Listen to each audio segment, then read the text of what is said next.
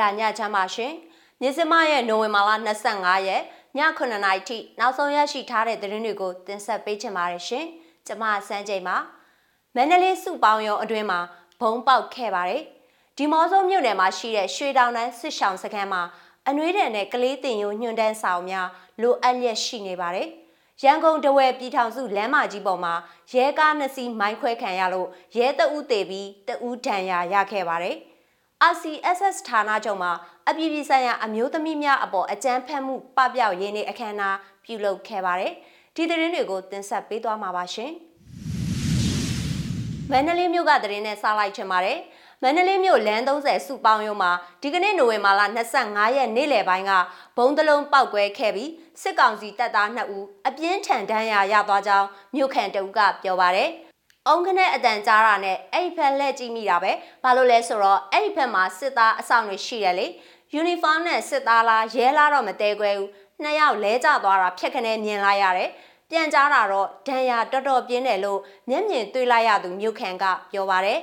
ချမ်းအေးတာဇန်မြို့နယ်လမ်း30 68လမ်းနဲ့69လမ်းကြားမှာရှိတဲ့အစိုးရရုံးတွေရှိတဲ့စုပေါင်းရုံးဝင်းအတွင်းစစ်ကောင်စီကလုံခြုံရေးချထားတဲ့နေရာမှာပောက်ကွဲခဲ့တာဖြစ်ပါတယ်။ အခုဖောက်ခွဲမှုကိုဘယ်အဖွဲ့ကလှုံ့ဆော်လဲဆိုတာကိုတော့မသိရှိရသေးပါဘူးရှင်။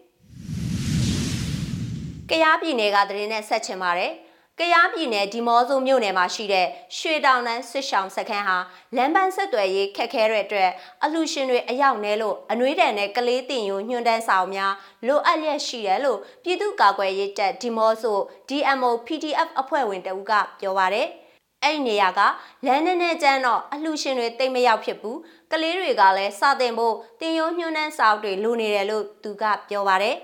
အေးပိုခဲ့တဲ့ဒေတာဖြစ်လို့လက်ရှိစောင်းရသည်မှာစခန်းရှိစစ်ပေးရှောင်တွေအတွက်အနှွေးထန်တဲ့စောင်းတွေလည်းလိုအပ်လျက်ရှိကြောင်းသိရပါတယ်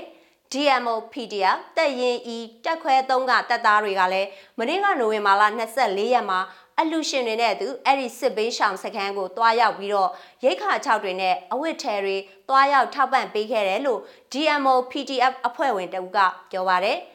အဓိကကစောင်းဝင်ပြီးဆိုတော့သူတို့အတွက်အဝတ်စားသွားပေးတာပေါ့အေးလာပြီဆိုတော့သူတို့တောထဲမှာနေတဲ့အခါအဝတ်စားတွေမလောက်ငှတာတွေဖြစ်တယ်။ဘာလို့လဲဆိုတော့သူတို့ကအိမ်ပြန်လို့မရတော့တဲ့သူတွေဆိုတော့လေလို့သူကပြောပါတယ်။ စစ်ရှောင်နေရတဲ့ကလေးတငယ်များစိတ်တက်ကြဆင်းမှုမရှိစေရေးစိတ်တက်မြင့်တင်ရေးပညာပေးခြင်းတချင်းတီဆိုဖျော်ဖြေပေးခြင်းကစားနည်းတွေအတူဆော့ကစားပြီးတော့အားပေးကူညီပေးတာတွေလည်းပြုလုပ်ခဲ့တယ်လို့ဆိုပါတယ်သူတို့အတွက်စာအုပ်တချို့ထားပြီးစာကြည့်တိုက်လည်းလုပ်ပေးနိုင်ခဲ့တယ်။စာကြည့်တိုက်တေးသေးလေးတစ်ခုပေါ့လို့ DMO PDF အဖွဲ့ဝင်တအုပ်ကပြောပါတယ်။စစ်ဆောင်ပြည်သူတွေကလည်းပြည်သူ့ကာကွယ်ရေးတပ်သားတွေကိုလှိုက်လိုက်လဲလဲကြိုးဆိုကြကြောင်းသိရပါတယ်။ လက်ရှိချိန်မှာ DMO PDF တပ်သားတွေဟာလက်နက်အပြည့်စုံတပ်ဆင်နိုင်ဖို့အခက်အခဲတွေရှိနေသေးပေမဲ့လည်းရှေ့တန်းမထွက်နိုင်သေးတဲ့ကာလမှာအခုလိုလူထုအကျိုးပြုကူညီရေးလုပ်ငန်းတွေဝိုင်းဝန်းဆောင်ရွက်နေကြတာဖြစ်ပါတယ်ရှင်။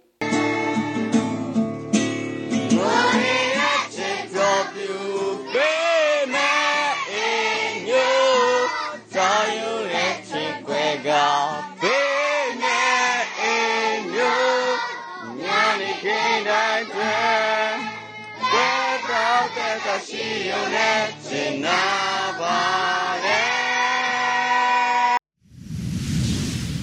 နောက်ထပ်တင်ဆက်ပေးချင်တဲ့သတင်းကတော့ မွန်ပြည်နယ်လက်မိုင်းမြို့အောင်သာယာကျေးရွာအနီးရန်ကုန်တဝဲပြည်ထောင်စုအဝေးပြေးကားလမ်းမကြီးပေါ်မှာနိုဝင်ဘာလ24ရက်ညနေ4နာရီခန့်ကမော်လမြိုင်မြို့ဘက်ကနေဘန်ငွေထုတ်ပြီးပြန်လာတဲ့ရဲကားနှစ်စီးကိုမိုင်းခွဲတိုက်ခိုက်ခဲ့ရာရဲတအုပ်သေဆုံးပြီးတအုပ်ဒဏ်ရာရသွားကြောင်းရေးမြို့နယ်ပြည်သူ့ကာကွယ်ရေးတပ်ဖွဲ့တာဝန်ရှိသူကပြောပါရယ်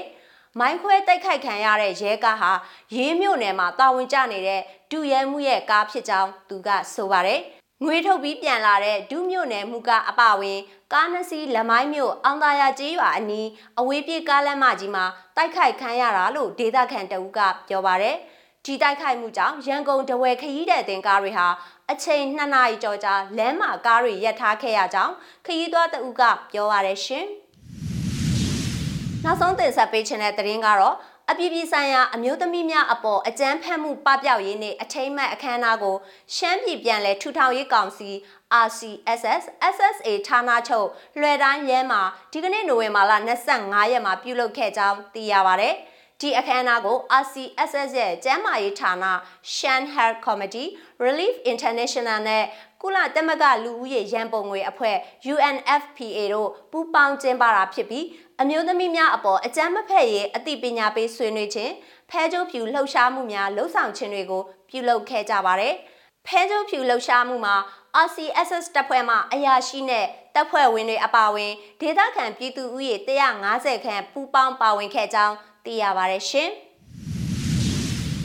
ညစမရဲ့နိုဝင်ဘာလ25ရက်ည9:00နာရီထိနောက်ဆုံးရရှိထားတဲ့သတင်းတွေကိုတင်ဆက်ပေးခဲ့တာပါကြည့်ရှုအားပေးတဲ့အတွက်ကျေးဇူးအထူးတင်ရှိပါတယ်မြမပြည်သူတွေဘေးရန်တဲ့အပေါင်းကကင်းဝေးကြပါစေရှင်။